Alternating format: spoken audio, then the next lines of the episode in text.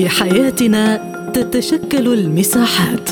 نظل داخلها على اختلاف الثقافات. ولكن في مساحتنا تتحد الغايات. لأننا نغوص في أعماق المجتمعات. فإذا كان لديك وجهة نظر حرة فاهلا بك في مساحة حرة. أهلا بكم مستمعينا الكرام في حلقة جديدة من مساحة حرة وهذه جيهان لطفي تحييكم. في مساحتنا اليوم نناقش أبعاد صفقة الاسرى في غزة وهل فتحت الباب أمام الحل النهائي؟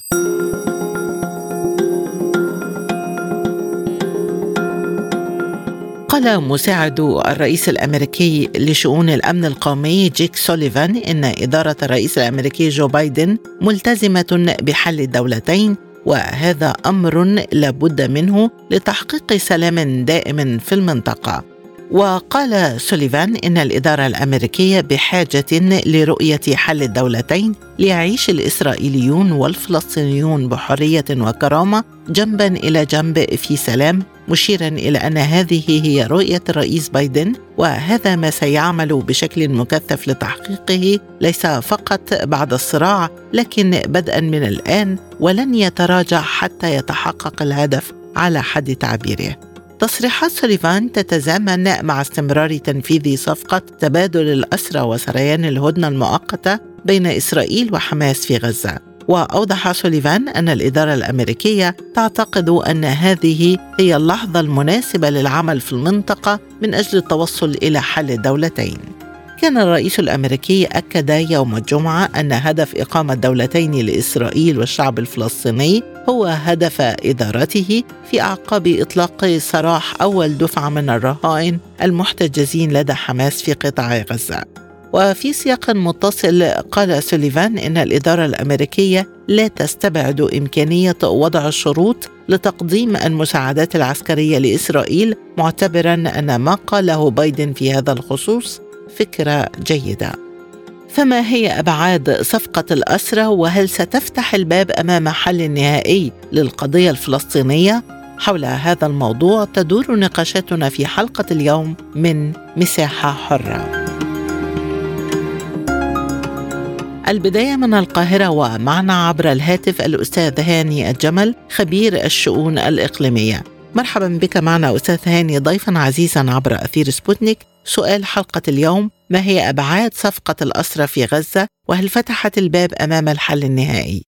صباح الخير على سعادتك وللساده المستمعين المتابعين للبرنامج وأعتقد إن صفقة تبادل الاسرى هي نقطة مهمة جدا في وقف الاقتتال ما بين إسرائيل وحماس. اولا كون إن إسرائيل تقبل بهذه الهدنة فهو إعلان رسمي بهزيمة إسرائيل، لم تستطع إسرائيل طيلة ال 50 يوم الماضية أن تحرز نجاحا واقعيا على أرض الواقع، والدعم الكبير الذي التقته من أمريكا والاتحاد الأوروبي وبعض بعض الذين كذبت عليهم اعلاميا لم يحقق أي شيء في هذه القضية. بل بالعكس وضح العالم كله كذب الرواية الإسرائيلية في التعامل مع القضية الفلسطينية، وبالتالي كانت هذه الهدنه التي أجبرت عليها إسرائيل وكما قالت أمريكا أن هذه الصفقة هي صفقة بايدن، يؤكد أن إسرائيل بالفعل لم تحرز أي نجاح بل إنها أعلنت بهذه الهدنة هزيمتها من أكثر من اتجاه، أول اتجاه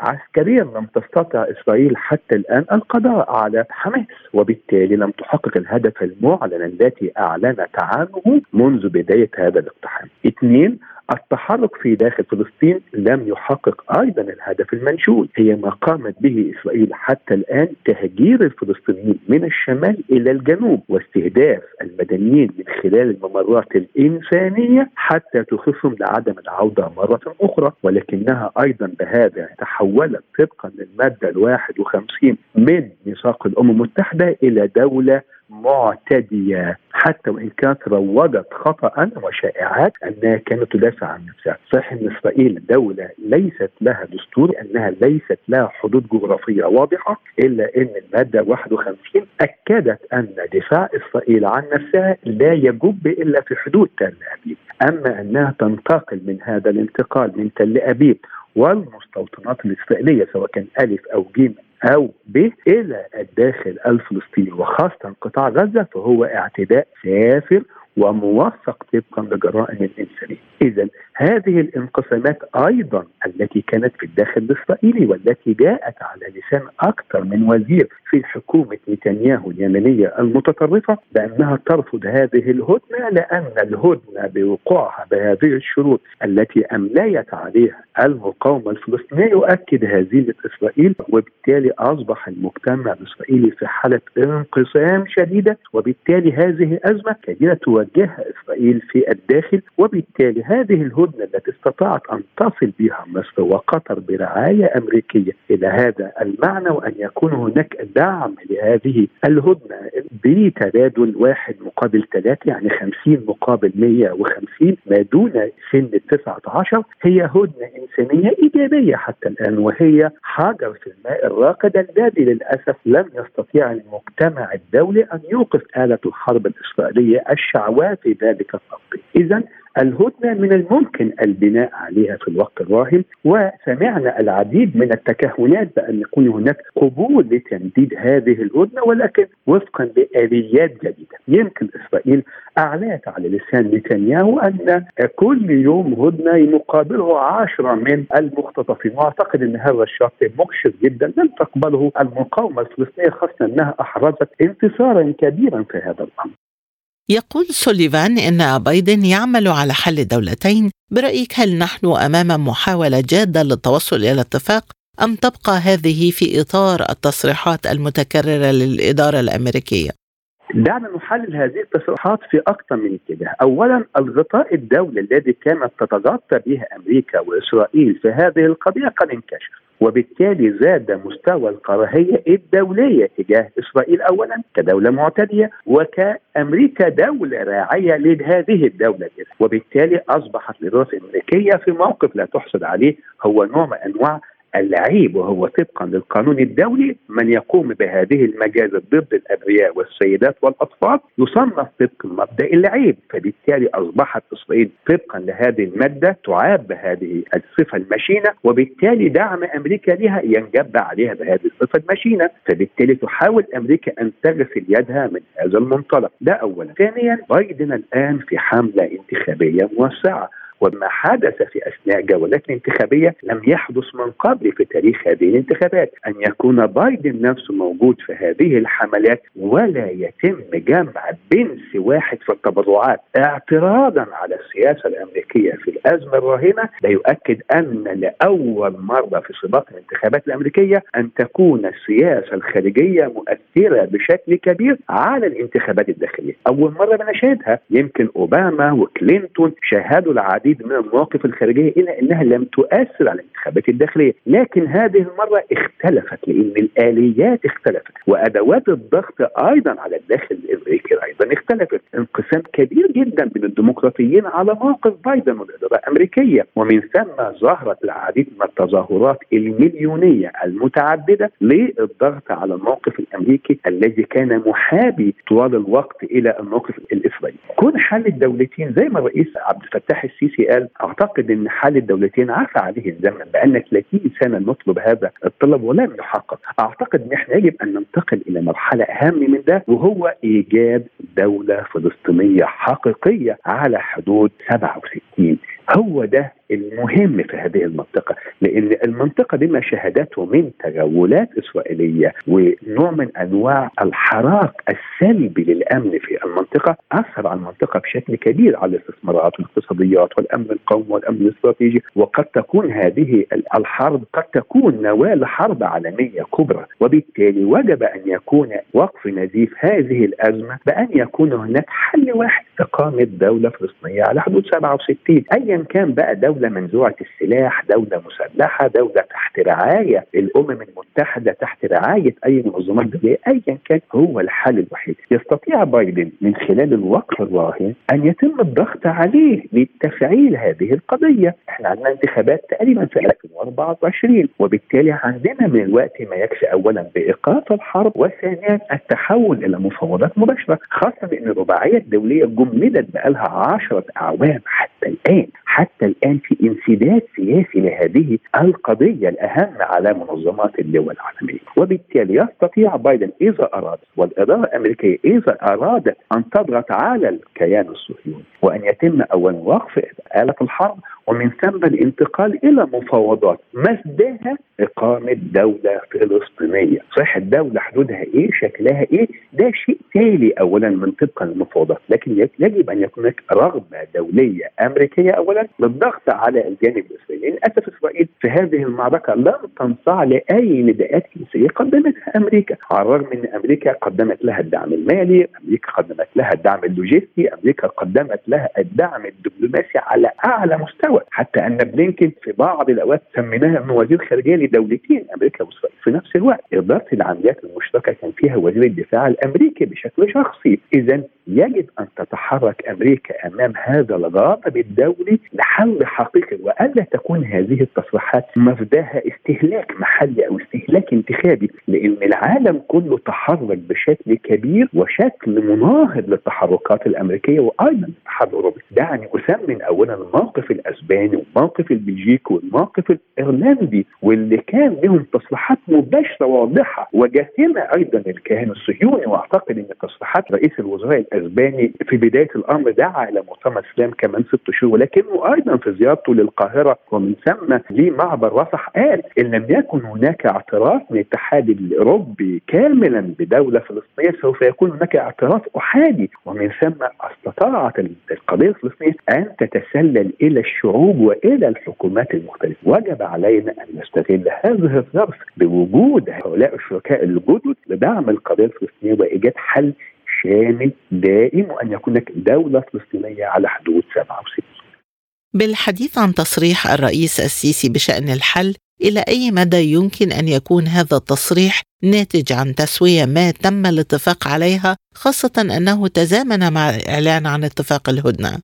أنا أتفق أن رؤية مصر الدبلوماسية والسياسية في هذه الأزمة منذ اللحظة الأولى هي التي تنفذ حتى الآن. في الوقت اللي حاولت فيه إسرائيل تهجير فلسطين وقفت مصر وقالت أن تهجير فلسطين هو خط أحمر لن نقبل به وبالتالي استخدمت مصر الدبلوماسية الخشنة في هذا الشأن ومن ثم الانصياع لهذا الأمر. استطاعت مصر أنها ترفض خروج مزدوج الجنسية مقابل أن يكون هناك عدم إدخال المساعدات. لا تم إدخال المساعدات الإنسانية مقابل خروج مزدوج الجنسية.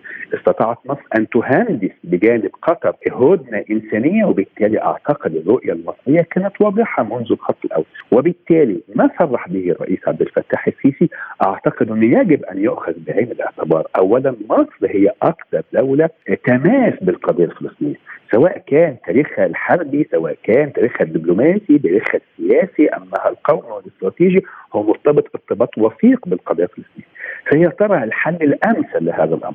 وطرح الرئيس عبد الفتاح السيسي في هذا التوقيت لهذا الحل هو يؤكد قد إيه رؤية مصر الشاملة والواسعة لاقرار السلام في منطقة الشرق الأوسط، إذا أرادت إسرائيل أن تكون تربيع مع الدول العربية واذا ارادت أمريكا أن تعود مرة أخرى من خلال هذا التربيع للمنطقه العربية، يجب عليها أن تعرف ما هي متطلباتها الجديدة في المنطقة العربية، أصبحنا الآن ليس تابعين لأحد، أصبح لنا رؤية واستراتيجية في المنطقة، من حقنا بما نمتلكه من رؤية سياسية ومن دعم إقليمي ودولي مع اللاعبين الجدد بوجود روسيا وبوجود الصين. وبوجود الهند أعتقد إن الدول العربية تستطيع في الوقت الراهن أن تنافس استراتيجيات حقيقية يتم تنفيذها. والطلب المصري والرؤية المصرية هي رؤية ليست جديدة هي رؤية مصر منذ القدم منذ محادثات كامب ديفيد 78 اللي كان بيقودها رئيس الراحل السادات وبالتالي استكمال هذه الرؤية بعد هذه الفترة. يؤكد أن هذا هو الحل الأمثل في الوضع الراهن.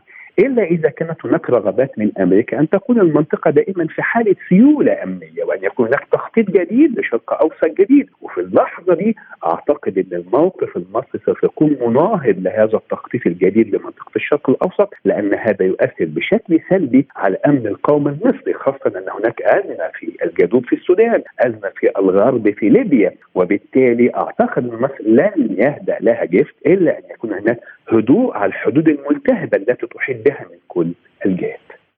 في ضوء هذه المتغيرات أستاذ هاني كيف نتوقع مستقبل حماس خاصة مع تنامي حضورها في الضفة الغربية أيضا خلال الأيام الأخيرة؟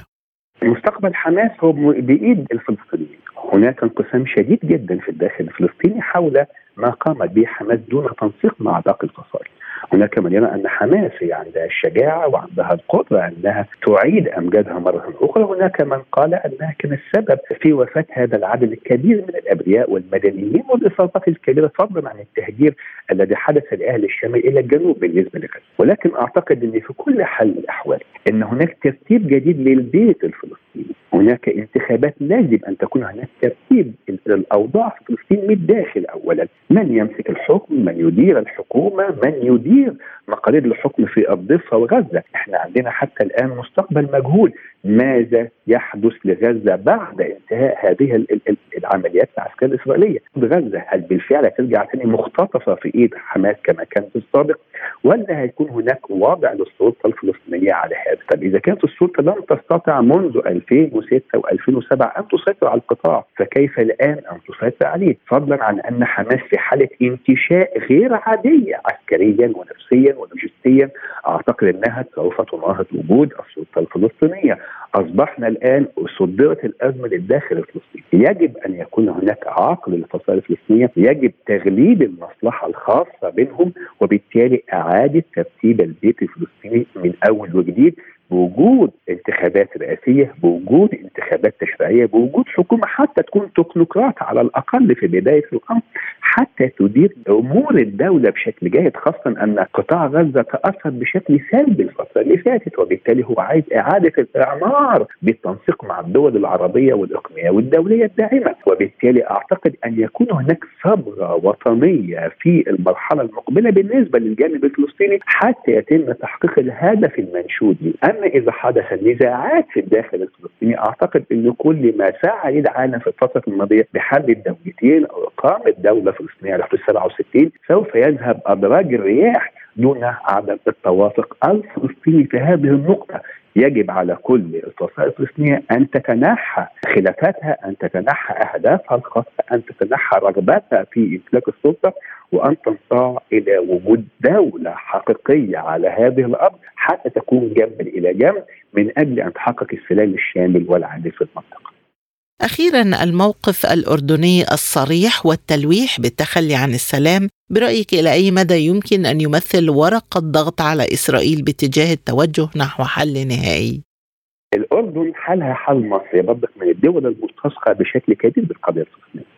ووجود اتفاق سلام بينها وبين إسرائيل كان من أهم الأمور التي كانت تهدئ الوضع في المنطقة ولكن أن تلوح الأردن في هذا التوقيت بنقد عملية السلام أو عدم الاعتراف بها ده شيء مهم جدا يجب استخدامه ليس فقط الأردن لكن أيضا مصر وغيرها من بعض الدول التي قامت بالتطبيع مع إسرائيل.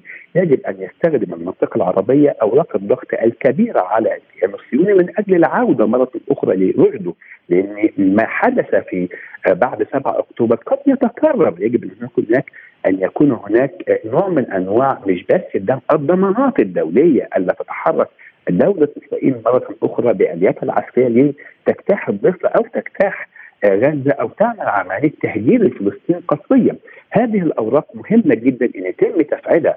وحسنا من فعل بعض الدول في أمريكا اللاتينية بقاطع الاتصالات أي حتى جنوب أفريقيا عندما طالبت الجنائية الدولية بتقديم الفاعلين في إسرائيل إلى المحكمة الجنائية الدولية هذه التحركات يجب أن تتوافق فيما بينها لإحراج الكيان الصهيوني في المجتمع الدولي وأن يكون هناك تحرك واسع وقوي ضد الكيان الصهيوني حتى يتم بلورة موقفه في المستقبل القريب وألا يكون هناك تمدد على حساب القضية الفلسطينية. من القاهرة الأستاذ هاني الجمل خبير الشؤون الإقليمية. شكرا جزيلا على هذه الإضاءة. وحول إمكانية ممارسة واشنطن ضغوط على إسرائيل معنا من دمشق الدكتور علاء الأصفري الخبير الاستراتيجي. أهلا بك معنا دكتور علاء ضيفا عزيزا عبر أثير سبوتنيك بداية دكتور بعد تفاوض إسرائيل مع حماس وصفقة الأسرة هل يمكن القول بأن الفصائل الفلسطينية فرضت معادلاتها العسكرية على إسرائيل؟ أسعد الله أوقاتكم، طبعا منذ البداية كانوا يرفضون الحديث عن المفاوضات، اليوم أجبروا بهذه المقاومة الكبيرة التي تبديها فصائل المقاومة. أجبرت على الرضوخ لشروط المقاومة ومنها تبادل الأسرى الذي يحدث الآن وهو عملية إنسانية بحتة، هذا يؤكد على أن القيادة الإسرائيلية ترضخ الآن جزئيا لمطالب المقاومة وأن هناك مقاومة فعلا صامدة لتاريخ هذه اللحظة.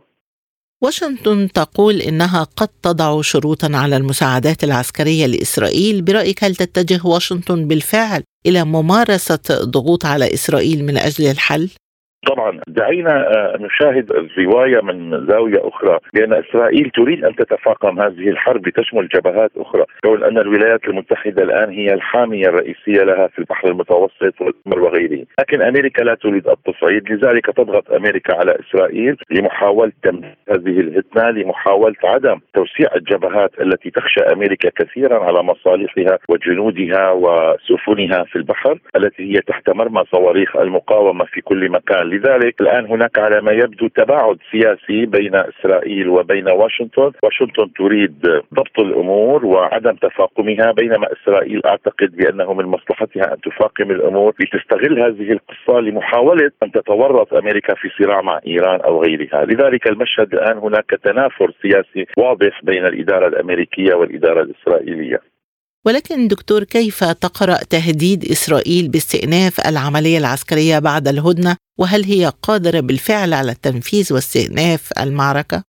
أعتقد بأنها مجرد بروباغندا، طبعا نتنياهو يعرف تماما بأنه في اللحظة التي تقف فيها الحرب نهائيا سوف يعزل أو يكون مصيره السجن، لأن كل الرأي العام الإسرائيلي الآن ينادي بشطبه من الحياة السياسية في إسرائيل، بينما هو يريد تمديد ذلك اولا لتمديد وجود إقامته في الحكم، ثانيا لا خيار أمام هذه الإدارة الإسرائيلية المتطرفة إلا أن يستمروا في موضوع الحرب، لأن لم تتحقق أي من الأهداف التي وضعوها. هم حط هم وضعوا سقف عالي لكل أهدافهم كالعادة لم يتحقق منها شيء، كانوا يريدون كما قالوا منذ اليوم الأول في ان لابد من سحق حماس واجتياح غزة بالكامل ومنع نهائيا أي تهديد وجودي لاسرائيل، كل هذا لم يحدث والآن هم مجبرون على التفاوض وعلى الهدن لأن الرأي العام العالمي يغلي الآن ضد هذه المجازر الوحشية التي ترتكب في فلسطين. لم تشهد لها التاريخ الحديث سابقة لها نهائيا، لذلك أعتقد بأن الضغوطات على نتنياهو كبيرة وبالتالي هو يهرب للأمام بمحاولة استئناف الحرب والضغط والوحشية والهمجية على غزة.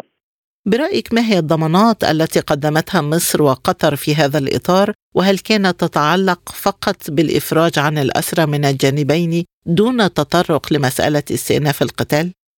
الضمانات أعتقد بأنها محدودة، مصر وقطر هم فقط سوف يضمنون وضمنوا موضوع أسماء الاسرى، أن يكون التبادل مؤقت بطريقة جيدة، توقيته أن يكون آه، متبادل، أن يكون هناك تنسيق بهذا الموضوع، أن تدخل المساعدات الغذائية العاجلة إلى غزة، يعني اليوم المقاومة الفلسطينية استطاعت اولا أن تثبت الإسرائيلي رغم همجيته، ثانيا استطاعت أن تأخذ فرصة لالتقاط الأنفاس بسبب الضغط الهائل الجوي الوحشي الذي يمارسه الطيران الإسرائيلي، وأيضا إدخال مساعدات عاجلة طبية وغيرها، كلنا نعرف بأن مئات أو آلاف الجرحى الآن يعالجون في غزة بالشوارع، يعني عندما قصفوا المشفيات انهارت المنظومة الصحية في غزة بشكل كامل، لذلك الرأي العام العالمي أعتقد بأن الضغط الآن كبير جدا على كثير من الحكومات الغربية، طالما كانت إسرائيل تريد أن تقول للعالم بأنها دولة آمنة وديمقراطية وأنها مقصد سياحي ممتاز وإلى آخره، اليوم هذه النظرية كلها سقطت في مهب الريح وأصبحت إسرائيل الآن هي العدو الأول للإنسانية، لاحظنا أن هناك كثير من السفراء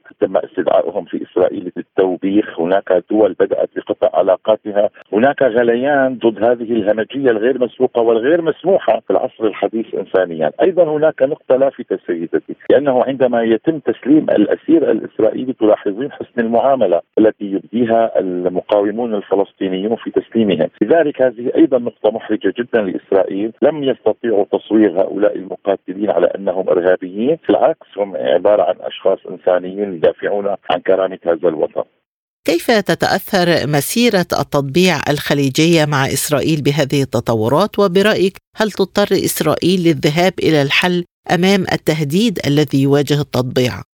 أعتقد بأن التطبيع الآن هذا القطار قد توقف جزئيا أو كليا ريثما تحل المشكلة الفلسطينية، العرب كلهم متفقون على أنه يجب أن يكون هناك حل عادل لدولتين، دولة إسرائيلية ودولة فلسطينية، هذه الدولة الفلسطينية التي لطالما الإسرائيليون يقولون بأننا لن نستطيع وجوديا أن نخلقها، هم يريدون كانتونات، يريدون حكم ذاتي مثيل بالسلطة الفلسطينية وهذا غير كافي، إذا تم الاتفاق أعتقد بأن العالم كله يتجه الآن لإقرار أن تكون هناك دولة فلسطينية حقيقية بحدود حقيقية وباستقلالية وكرامة وإلى آخره، إذا لم تتجاوب إسرائيل مع ذلك وأنا أعتقد بأنها لن تتجاوب مع هذه الأمور لأن فيها تهديد وجودي للكيان الإسرائيلي، أعتقد بأن الأمور سوف تتفاقم من جديد سواء على مستوى غزة، على مستوى الضفة الغربية، على مستوى لبنان وحتى الاعتداءات العشوائية التي تمارس الآن على سوريا، هذه الاعتداءات لن تكون مجانية ولن تكون بلا رد وبالتالي كل هذه الأمور تتفاقم الآن إما أن تهدد إسرائيل وجوديا بزوالها الكامل من المنطقة أو أن يكون هناك قبول بحل الدولتين، أي أحد يروح يذهب باتجاه مسار تطبيع مجاني كما حدث بالسنتين الماضيتين، لا أعتقد بأن أحد من الحكام العرب سوف يجرؤ على الامتداد أكثر للعلاقة مع إسرائيل بعد كل هذا الحرب وهذه الوحشية التي مارستها إسرائيل وتمارسها لتاريخ هذه اللحظة. دكتور الأردن اعتبرت تهجير الفلسطينيين إعلان حرب برأيك إلى أي مدى يمكن أن تذهب عمان في التخلي عن المعاهدة مع إسرائيل؟ أعتقد بأنها أيضا ضغط اعلامي يعني لا يمكن السماح الآن بتهجير الفلسطينيين. عمان أو الأردن ليس فقط هي حبا بالفلسطينيين إنما أيضا هي تهديد للوجود المملكة الهاشمية. الآن الآن بدون تهجير هناك أكثر من 65% من الشعب الأردني من أصول فلسطينية. إذا صار هناك تهجير أصبح 90% من الشعب الأردني فلسطيني. وبالتالي هذا تهديد وجودي للمملكة وللعائلة الهاشمية وللأردنيين الأصليين. لذلك الأردن لا تسمح بذلك ومصر لا تسمح تسمح بذلك. أما اعلان حرب أعتقد بأنه كلام إعلامي لن يتم وبالتالي طبعا الرسالة كانت إيجابية من الأردن ومن مصر بأنه غير مسموح التهجير بهذه الطريقة. ولكن أيضا يجب أن يكون هناك حلول يعني اليوم المئات الآلاف الذين تشردوا بدون مأوى إلى أين يذهبون بعد انتهاء الحرب لو افترضنا؟ يجب أن يكون هناك معالجة أممية متكاملة لموضوع غزة بعد كل هذا الدمار وهذه الهمجية التي مارستها إسرائيل بقصف كل البنى التحتية والأبنية وال الابراج السكنية وإلى آخره. وبالتالي يجب أن يكون هناك حل سريع وعاجل بعيدا عن التعبيرات الإعلامية والسياسية التي لا تفيد. أخيرا دكتور اقتصاد إسرائيل تعثر بقوة جراء هذه الحرب. برأيك هل ستتمكن إسرائيل من خوض صراع طويل الأمد مع الفصائل الفلسطينية؟ وهل يمثل هذا أيضا عنصر ضغط باتجاه الذهاب إلى الحل؟ طبعا هو عنصر ضاغط جدا. الوضع الاقتصادي الآن في إسرائيل غير مستقر وهو مهتز بالكامل. اولا فقد الشيكل أكثر من 20 25% من قيمته. ثانيا هناك مئات الآلاف أوقفوا أعمالهم والتحقوا بالاحتياط ثالثا ليست هناك ولا منطقه آمنة في إسرائيل إلا ممكن أن يستهدفها القصف الصاروخي للمقاومة. لا توجد بقعة آمنة الآن بفلسطين المحتلة إذا أرادت المقاومة في لبنان أو في غزة أو في سوريا أو من اليمن أن تكون هناك بقعة آمنة. لذلك الاقتصاد الإسرائيلي يهتز. لا ننسى أن أحد أعمدة الاقتصاد الإسرائيلي هي السياحة. والآن هو موسم سياحة وموسم أعياد ميلاد وإلى آخره. ضرب كل هذا الموسم بالكامل. لذلك إسرائيل الآن اقتصاديا تعاني. صحيح أن أوروبا وأمريكا سوف تضخ مئات أو عشرات مليارات الدولارات لذلك ولكن إسرائيل كبيئة آمنة لم تعد موجودة، يعني إسرائيل كبيئة آمنة حاضنة للسياحة وللصناعة وللاستثمارات الكبرى، لاحظنا كثير من الشركات الأمريكية والأوروبية بدأت تنسحب بشكل نهائي من فلسطين المحتلة، هذا مؤشر على أنهم لن يتحملوا الحرب إلى مدى بعيد وإن الاقتصاد الإسرائيلي سوف يعتمد فقط لاحقا على المعونات الأمريكية والغربية، صحيح أنهم يستطيعون العيش دون هذه المساعدات ولكنها لم تعد إسرائيل الدولة التي تريد أن تصدر للعالم المشهد بأنها رائدة في مواضيع السياحة والصناعة والزراعة والتكنولوجي وإلى آخره، هذا مؤشر خطير على الضغط هائل على الاقتصاد الإسرائيلي. بحديثي إلى الدكتور علاء الأصفري الخبير الاستراتيجي من دمشق، نكون قد وصلنا إلى ختام حلقة اليوم من مساحة حرة، وللمزيد زوروا موقعنا على الإنترنت سبوتنيك dot ae. شكرا لطيب المتابعة وإلى اللقاء.